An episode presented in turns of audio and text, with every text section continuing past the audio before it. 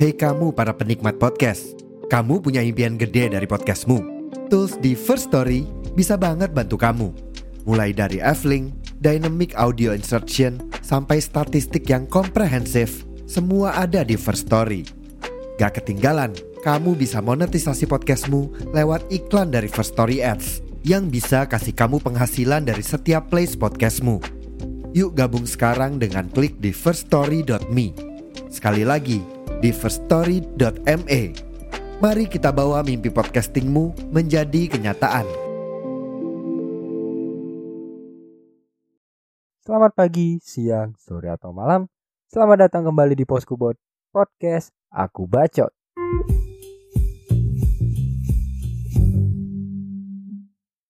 Well, halo pendengar Poskubot, selamat datang kembali di episode terbaru dari Poskubot dan ya ini adalah bukti keistiqomahan seorang Adriel.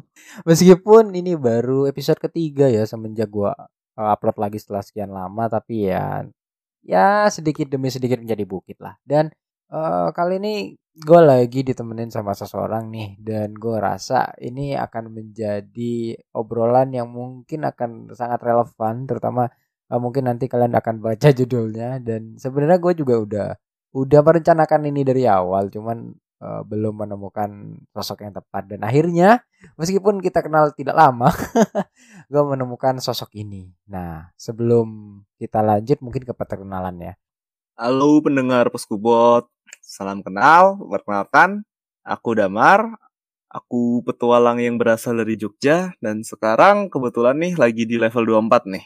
oke petualang ya petualang kehidupan ya bisa dibilang. Iya, petualang kehidupan betul sekali.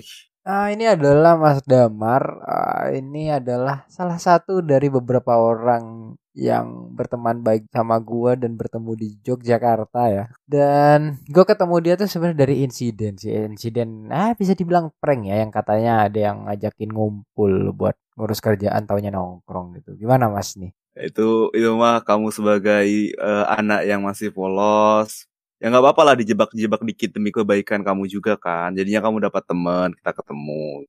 Iya iya bener-bener. Tapi kayak agak kesal ya. Apal- apalagi ya nggak tahu sih semenjak saat itu gue bareng terus sama dia tiap hari. Kan emang kamu emang harus punya pegangan dalam hidup ini. Iya betul, memang beliau ini ah sudahlah nggak usah disebut nanti kepedean. Biarkan eh, biarkan dia tenang di Banyuwangi. Iya. Jangan cuy. Nanti lo lu bingung di, di kantormu. iya ya, wah the has singing slasher, the one only sama. Disebut merek dong. Tapi ini ada sedikit apa ya mas?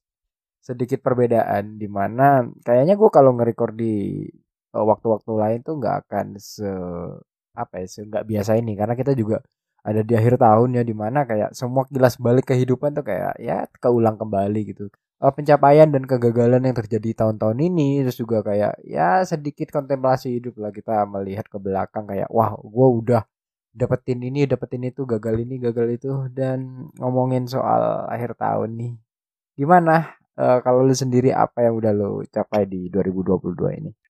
Uh, ini adalah tahun yang cukup baik lah kalau untuk aku secara pribadi. Aku bisa dapat job yang lebih baik, aku lanjut kuliahnya lanjut terus. Sampai akhirnya sekarang aku mulai magang buat kuliah juga. 2022 buat gue itu eh, progres ya naik turun naik turun juga sih, tapi banyakkan naiknya lah daripada turunnya. gue merasa kayak di saat kita menjadi lebih baik ke depannya kita makin improve itu adalah eh, hal yang menurut gue akan sangat baik untuk dicapai dalam setiap tahun jadi let's say setiap tahun lu eh, menjadi pribadi yang lebih produktif lebih baik nah eh, ngomong-ngomong nih mungkin eh, untuk beberapa dari kalian atau mungkin semua ya eh, belum tahu kalau beliau ini ternyata barista Ih, saya tukang kopi. ya gue tuh ke cafe lu belum sebulan ya kayak dua minggu tiga minggu lalu gak sih Iya, masih baru-baru kafe terakhir gua ya. Iya. Cewek ini nih. Cuman gue tuh sebelum ke situ udah lihat di reels dan dan lu juga. Ternyata kalian kan bikin konten juga. Iya dong, yang namanya kafe kita harus marketing lah ya. Terus karena nggak punya talent ya siapa lagi talentnya ya baristanya. Tapi di situ kayaknya ceweknya ada dua ya baristanya. Eh ceweknya tuh dua. Kamu udah ketemu yang ini gak sih yang rambut pendek gak sih? Ini yang rambut panjang. Gue lupa lagi siapa yang kenalan sama gue ya yang waktu gue pertama kali ke situ Jahat banget udah lupa dong dia. Ya gue gampang ampun. lupa tapi ingat muka cuma Ya, lupa itu nama tuh eh, Mbak Sarah yang Ah, Mbak Sarah Wijayanto Wah, iya, iya Sarah Wijayanto kebetulan udah ganti profesi dia jadi barista sekarang. cuman gue melihat lu selama di situ ya kan gue berkunjung beberapa kali ke situ lu sangat menikmati apa yang lu lakuin tuh sampai lu nungguin gitu kayak sampai nutup kafe sampai lu beres-beres lu gue ngerasanya lu ngelakuinnya dengan enjoy dan apakah pencapaian ini adalah pencapaian apa ya yang paling baik dan berkesan di tahun 2022 buat lu Hmm, yang paling berkesan ya buat gue itu tadi sih waktu gue jadi head bar di masa kopi selama gue jadi head bar di sana. Pekerjaannya itu lumayan berat. Kayak bayarannya oke cukup kurang dikit, but oke aku bisa menerima kekurangannya gitu.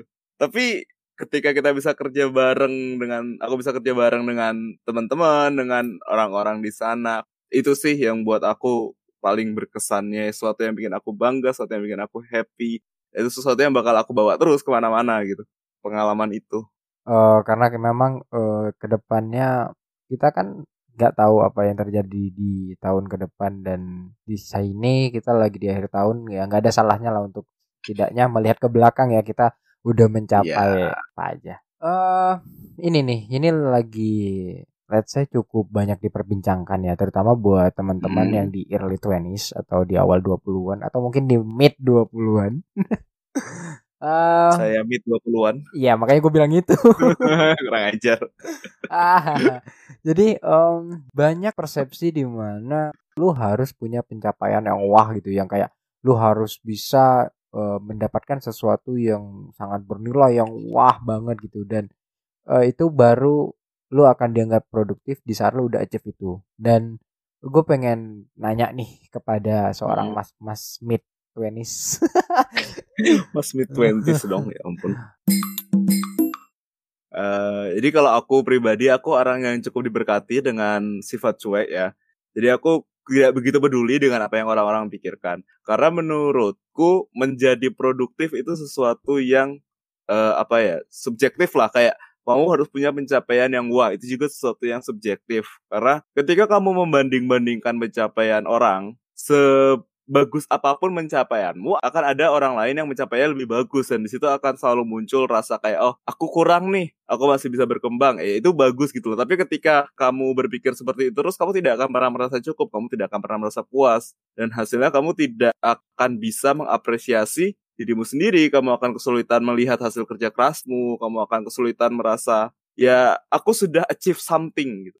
Tapi ketika kamu melihat bahwa ini targetku ini tujuanku dan ketika aku jalan ke tujuan itu ada langkah-langkah yang harus kulaluin ketika kamu bisa fokus di situ dan fokus dengan eh, langkah-langkahnya itu kamu ketika di akhir tahun ini kamu akan bisa ngelihat oh iya tahun ini aku udah ini aku udah ini aku udah ini aku udah ini. Aku sudah menjadi lebih dekat ke targetku.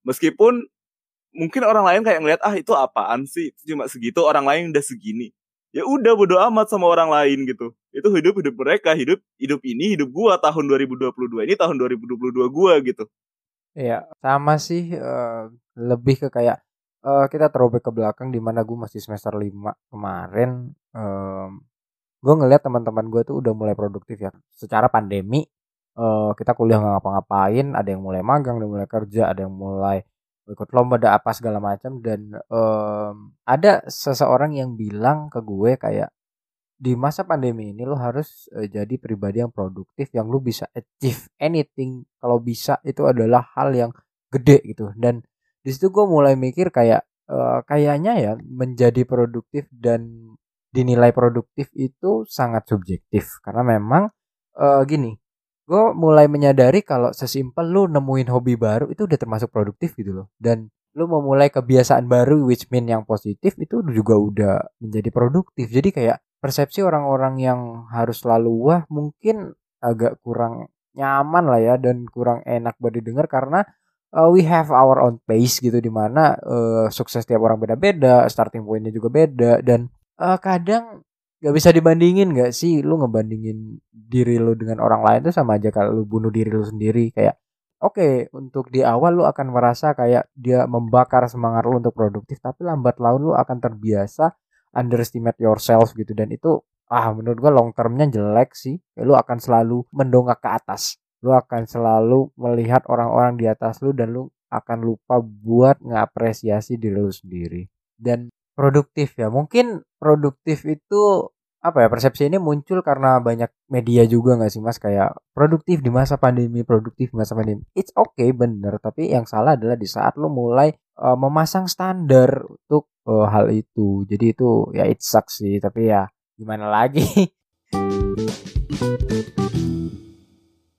Uh, selama ini nih 2022 lu juga kan nggak cuman aktif uh, ngekopi ya maksudnya ada kegiatan lain dan menurut lu dengan kita mulai kembali bersosialisasi let's say nongkrong ataupun ya kayak gini interaksi uh, secara tanpa ketemu online tuh menurut lo itu termasuk produktif nggak?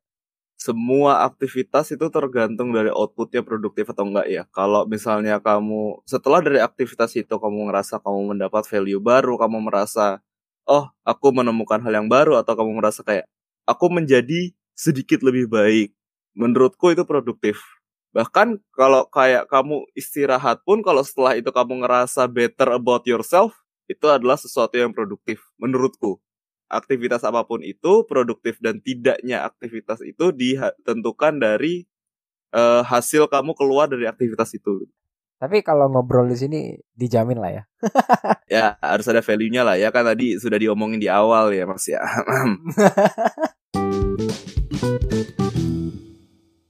uh, Kalau lu sendiri Mas, uh, apa sih value yang lu kejar dari apa yang lu lakuin setiap hari gitu? Apa sih yang pengen lu achieve gitu selama ini, selama lu hidup lah?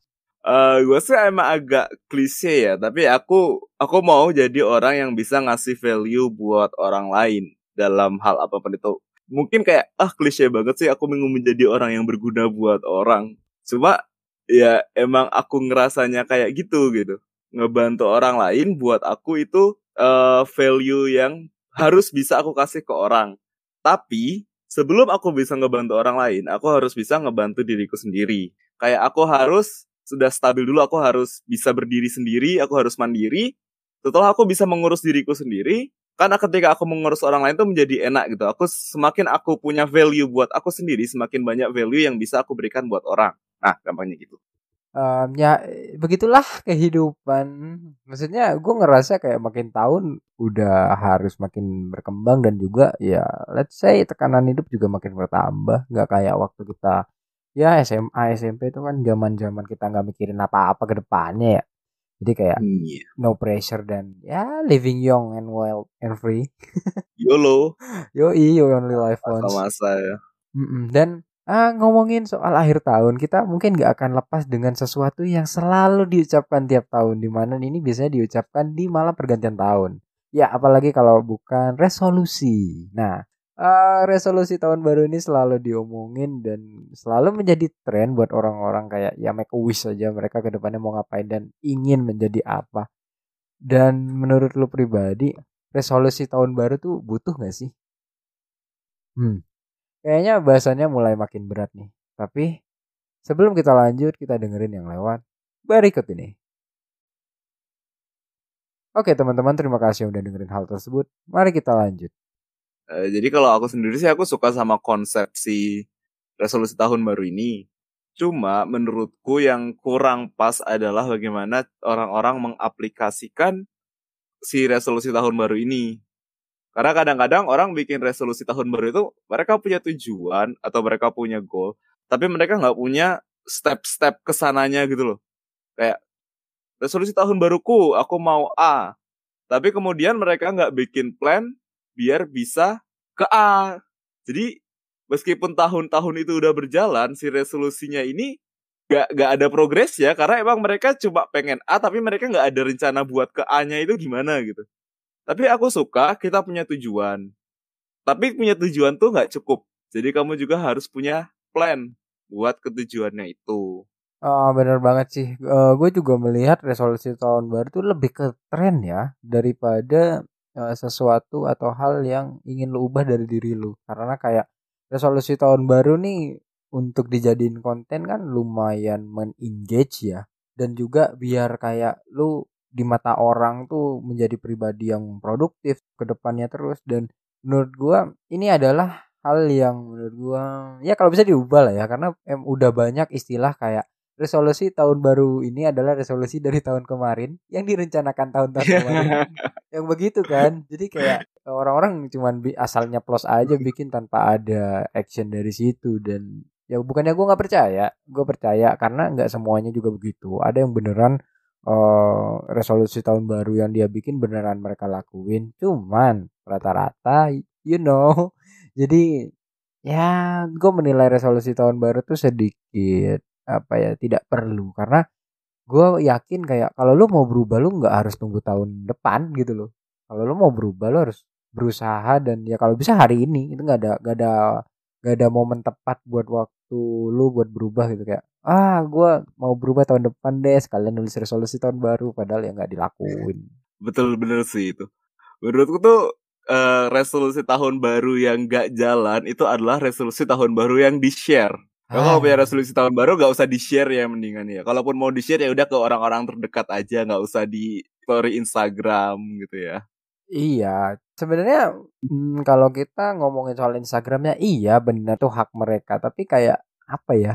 Untuk apa? Bener-bener buat karena res- apa? Heeh, resolusi tahun baru itu ada buat mengubah diri lu gitu loh, bukan untuk mengimpress orang. Tuh. Gimana nih Pak Bos? Nah, Apakah mungkin itu kali ya. Tujuan mereka membuat resolusi tahun baru cuma mau mengimpress orang. eh kalau ini pendapat gue pribadi dan mungkin bisa kalian renungi.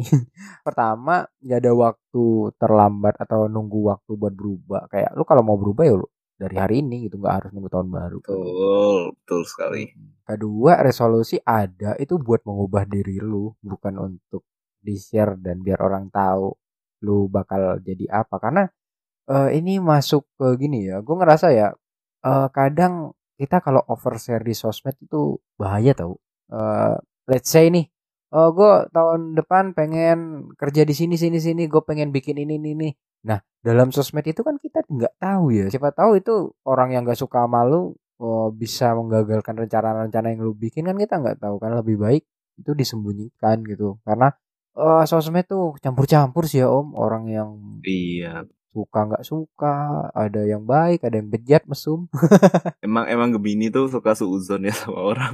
Wah ya Tapi bener sih itu. Maksudnya kayak kita gak tahu ya siapa aja yang ngelihat apa yang kita posting di sosmed dan better be safe dan sorry lah ya guys. ya begitulah dan em, resolusi tahun baru ya ya meskipun kita tidak setuju tapi kan eh, ada harapan-harapan gak sih yang akan kita selalu utarakan tiap tahun nah kalau lu sendiri harapan apa sih yang selalu lu harapin di setiap tahun? Eh kalau di setiap tahun tuh biasanya aku punya satu sebuah hal yang maksudnya tujuan yang jelas gitu loh. Untuk tahun depan nih, kebetulan tujuan jelas gua adalah aku mau mulai kerja di digital marketing yang menghasilkan duit karena aku magang nggak dapat duit. Sesimpel itu gitu. tapi eh, dunia digital marketing kan ini ya eh, let's say gue pernah berkecimpung sedikit Jadi gue Hmm, pernah penelitian lah istilahnya ngurusin sosmed kan. Dan ternyata untuk jadi seorang digital marketer tuh ada pelatihannya tau. ada, ada bootcampnya, ada segala macam barangnya gitu loh. Nah, lu persiapannya udah sampai situ atau lu mau otodidak aja ke depannya? Saya full otodidak karena kebetulan saya kan juga lagi kuliah ya saya tidak punya waktu untuk bootcamp nih. Maaf saya lagi kuliah lagi magang pada saat yang bersamaan. Waktu saya sudah tidak ada.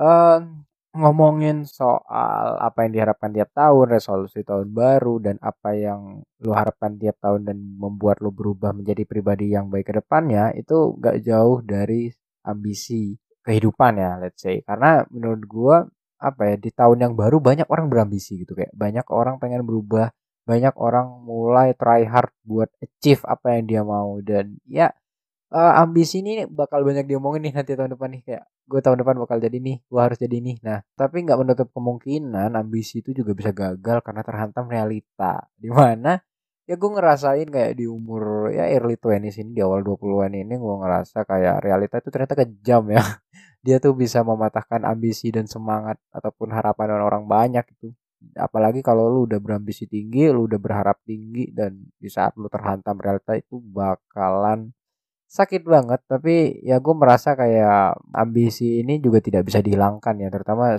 kita sebagai pribadi yang ingin menjadi produktif. Nah menurut lu sendiri gimana sih? Apakah orang itu perlu punya ambisi? Nah kalau menurut gue sih ya perlu ya ambisi karena ambisi itu memberikan orang kayak ini arah yang jelas aku harus ke sini ini tujuanku gitu. Cuma emang ambisinya agak tricky ya apalagi kita orang-orang yang muda gitu kalau naruh ambisi itu suka agak ketinggian gitu. Kita tuh punya angan-angan yang tinggi punya mimpi yang besar and that's okay. Cuma ketika kamu semakin tinggi ambisi yang kamu taruh ketika ternyata hasilnya tidak sesuai dengan apa yang kamu harapkan akan semakin besar kekecewaannya juga nih. Jadi tinggal gimana kita nge-manage ambisinya itu, naruh ambisi jangan terlalu tinggi, ambisinya ya yang realistis-realistis aja gitu. Dan kemudian kita juga harus punya planning buat dapetin si ambisi ini nih. Soal planning ya, kita ngomongin soal planning. Lu adalah tipe orang yang bikin planning jauh-jauh hari atau lu membuat planning berdasarkan apa yang terjadi pada saat itu gitu? Aku tipe orang yang kalau aku punya rencana aku bikin plan. Tapi aku orang yang bisa mengganti planku di tengah jalan ketika ada sesuatu yang terjadi yang oh plan ini ku nggak bisa jalan nih. Ya udah, gimana caranya? Uh, plannya kita revisi, tapi tujuannya sama. Nanti ketika misalnya oh aku ngerevisi-revisi plan nih, tapi ternyata nggak bisa dapat ke tujuan itu, ya udah tujuannya yang kita revisi Gitu. Jadi aku selalu punya rencana, aku punya tujuan di awal nih. Tapi aku orangnya sangat terbuka untuk mengubah tujuan dan rencana itu ketika sedang jalan gitu. Tapi bukan berarti aku orangnya pelin plan ya kayak dikit-dikit ganti tujuan, dikit-dikit ganti rencana enggak enggak gitu. Ya ya, uh, menurut gua ini adalah hal yang sering dilupakan orang-orang memulai sesuatu dengan rencana. Maksudnya um, oke okay, rencana lu matang banget lu rencanain every step of it uh, dalam menggapai tujuan lu tapi lu lupa kalau lu butuh plan B. Jangankan plan B, lu butuh C D E maybe di saat uh, sesuatu tidak berjalan sesuai dengan keinginan lo. Ini adalah hal penting menurut gue karena banyak orang yang terlalu terfokus dengan apa yang mereka rencanakan sampai mereka lupa kalau sesuatu nggak akan berjalan sesuai dengan rencana lo. Karena kayak apa pun yang lu rencanain dalam hidup menurut gue pasti ada satu dua hal yang bikin kayak ini mulai goyang nih. Dan lu mulai mempertanyakan kayak gue pengen beneran pengen ini nggak ya? Gue bisa dapat ini nggak ya? Dan di situlah per peran plan B itu works gitu. Kayak um, kayaknya akan susah ya kalau lu misalkan nih lu bikin rencana andaikan lu bikin rencana tuh kayak lu bikin jembatan atau lu jalan uh, menuju kesuksesan lah let's say jalan ke mana nggak mungkin jalan yang lu tuju itu akan langsung lurus. Pasti ada beloknya dikit nanjaknya ada turunnya. Dan di situ lu harus bisa survive dan adaptif. Di mana kalau lu memang pengen itu lu harus kejar lu harus persiapkan semuanya termasuk plan B C D A seserah. Yang penting tujuan lu sampai dan ini yang sering dilupakan. Dan setelah lu gagal dengan tujuan lu ya meskipun nggak semua ya tapi ada beberapa yang justru hmm. menyalahkan keadaan enggak ah gue memang gara-gara orang yang punya privilege nih gue nggak berhasil ini karena gue nggak punya pegangan nih gara-gara ya pokoknya lu nyalahin keadaan dan nyalahin diri lu sendiri di saat seperti itu. Padahal menurut gue itu bisa diatasi di saat lu mempersiapkannya dengan ya plan-plan lain gitu. Karena ya sedikit kepedean ya untuk bilang atau untuk percaya lu bakal lurus-lurus aja dengan plan lu. Apalagi ini plan jangka panjang yang let's say selama 2023 lu bakal ngapain aja dan itu yang sering dilupakan oleh orang-orang jadi ya mungkin saran gue yang sebenarnya tidak terlalu bijak ini jadi kayak kalau lu punya sesuatu uh, jangan pernah lupakan plan B karena itu adalah yang ya yang akan menolong lu di saat lu mulai dihantam oleh realita. Tapi ya namanya manusia, namanya harapan manusia, namanya yang dikerjain manusia itu semuanya akan menemukan kegagalan dan ya kegagalan juga sakit banget. Gue juga sering mengalami kegagalan. Nah, uh, eh, gue mau tanya lu dulu deh. Kalau lu dulu gimana sih cara lu menyikapi kegagalan? aku jujur nih ya, aku orangnya tuh sangat tidak suka gagal. Aku nggak suka fail. Aku besar sebagai anak yang orang bilang gifted yang selalu berhasil gitu. Jadi ketika ketemu sama kegagalan terus rasanya kayak down banget gitu. Tapi kemudian setelah ya hidup berjalan, aku selalu melihat itu sebagai oh ini harga yang aku bayar buat pengalaman. Jadi kalau misalnya aku ngelakuin sesuatu terus gagal, fail, oh aku nge-spend semua waktu itu buat dapat pelajaran ini. Aku nge-spend semua waktu itu biar aku tahu besok kalau misalnya aku ngehadapin itu lagi aku harus gimana. Jadi kegagalan tuh buat aku itu bukan hasil yang buruk. Itu hasil yang tidak diharapkan tentu. Maksudnya obviously gitu loh. Itu hasil yang nggak diharapkan. Tapi itu adalah sebuah hasil yang dari situ kita bisa uh, kita bisa bikin rencana baru. Um, menyikapi kegagalan ya, ya menurut gue ini adalah hal yang uh, rasanya akan dialami oleh setiap orang dan gue juga merasa kayak uh, makin tahun tuh akan makin berat menurut gue dan gue harus bisa jadi lebih kuat dan lebih ya lebih tough lah ke depannya. Jadi kayak gue harus bisa lebih baik dalam menyikapi kegagalan. Karena uh, jujur gue orang yang let's say overthinker. Karena uh, gue sama yang kayak lu ceritain tadi punya ambisi gede punya harapan gede. Dan di saat uh, itu menemui kegagalan gue sedih. Tapi ya kemarin-kemarin sih gue mulai kayak berusaha kayak it's okay to be gagal. Karena siapa tahu dengan kegagalan lu saat ini lu akan menemukan sesuatu yang sangat baik buat lu ke depannya. Dan mungkin kalau lu nggak gagal di situ lu nggak akan mendapatkan hal baik. Let's say um, gua itu kemarin kalau ngomongin soal magang ya gue tuh ngincer pusat tau. Uh, kementerian ya? gue ngincer itu. Tapi ternyata ya rezeki gue bukan di situ. Awalnya kecewa kecewa kayak gue beneran yang niat banget pengen ke situ tapi nggak dapet di situ dan dapat kantor yang sekarang di Jogja. Awalnya kayak hmm, kayak ya udahlah ya. Nah, tapi setelah gue masuk di kantor itu gue gila sih ini ini kalau gue bisa bilang sih tempat terbaik sih. Misalnya uh, kayak kalau gue udah tahu kantor ini bakal begitu gue berani nolak kementerian. Serius berani gue ini pujian yang sangat tinggi sekali ya untuk kantor yang sekarang.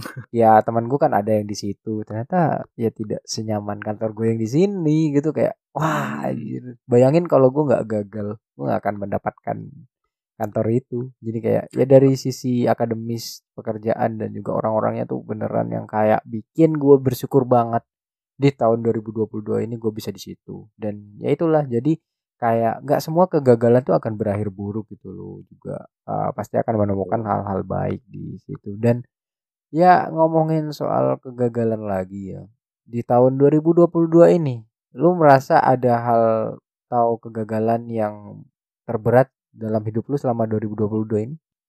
Ada kegagalan iya tapi kegagalan itu bukan kegagalan yang terberat itu di iniku uh, kuliahku. Karena kan aku kerja full time jadi head bar kebetulan kuliahku tuh ada beberapa mata kuliah yang terlantar. Jadi emang beberapa ada yang harus diulang. Tapi itu uh, kegagalan itu adalah efek langsung dari aku memilih untuk kerja. Jadi itu sesuatu yang oke okay, aku sukses di kerjaan aku gagal di kampus sedikit.